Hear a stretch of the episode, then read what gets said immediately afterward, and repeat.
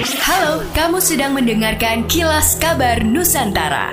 Podcast persembahan KG Radio Network menyajikan berita harian yang mengangkat keunikan dari berbagai wilayah Indonesia.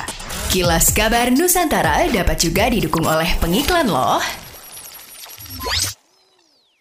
Unit Pelaksana Teknis Balai Benih Dinas Tanaman Pangan, Hortikultura, dan Perkebunan Sulawesi Selatan berhasil mendapat peringkat terbaik kedua secara nasional tahun 2022. Penghargaan tersebut diberikan oleh Direktorat Perbenihan Tanaman Pangan Dirjen Tanaman Pangan Kementerian Pertanian. Kepala Dinas Tanaman Pangan, Hortikultura, dan Perkebunan Sulawesi Selatan Imran Jausi mengatakan ini kali pertama UPT Balai Benih Sulawesi Selatan menerima penghargaan tersebut. Posisi pertama diraih Jawa Tengah dan ketiga Nusa Tenggara Barat. Imran menyebut ada empat kriteria penilaian yang dilakukan Direktorat Perbenihan tanaman pangan. Pertama, produktivitas UPT, kedua, serapan anggaran, ketiga, penerimaan negara bukan pajak TNBP, dan keempat, hubungan dan koordinasi dengan pusat. Namun yang menjadi pertimbangan utama adalah karena Sulawesi Selatan mampu menjaga overstok beras 2 juta ton. Ini tidak terlepas dari program Mandiri Benih yang dicanangkan Gubernur Andi Sudirman Sulaiman. Imran menuturkan program Mandiri Benih mendapat apresiasi dari Kementerian Pertanian karena berhasil menciptakan benih unggul dan berkualitas. Selain itu mendukung upaya swasembada benih di daerah. Oleh karena itu, UPT Balai Benih Sulawesi Selatan akan didorong menjadi badan layanan umum daerah sesuai arahan Gubernur Sulawesi Selatan.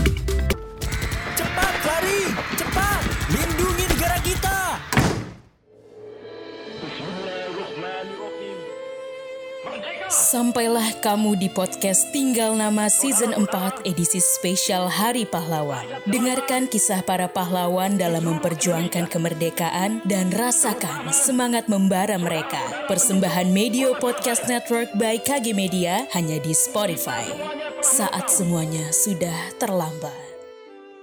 Wali Kota Surabaya Eri Cahyadi merasa dibuat geram oleh tingkah kelompok pemuda dan remaja pencari eksistensi dengan membawa senjata tajam yang membuat resah masyarakat karena berdampak pada gejolak sosial berupa tindakan kekerasan hingga terjadi peristiwa pembacokan sapam di kawasan Pakuwon City hingga menyerang warung kopi di Jalan Keputih. Eri mengatakan bahwa patroli gabungan untuk menjaring keberadaan kelompok remaja ini akan terus dilakukan dengan melibatkan seluruh elemen masyarakat sekaligus melakukan penjagaan di area perbatasan kota seperti perbatasan Surabaya dengan Kabupaten Gresik dan Sidoarjo Sidoarjo. Karena dari hasil rahasia sebelumnya, operasi gabungan telah mengamankan 12 orang, 5 di antaranya warga dari luar Surabaya yang datang dan masuk Surabaya melalui undangan via sosmed dan kemudian melakukan konvoy. Demikianlah kilas kabar Nusantara malam ini.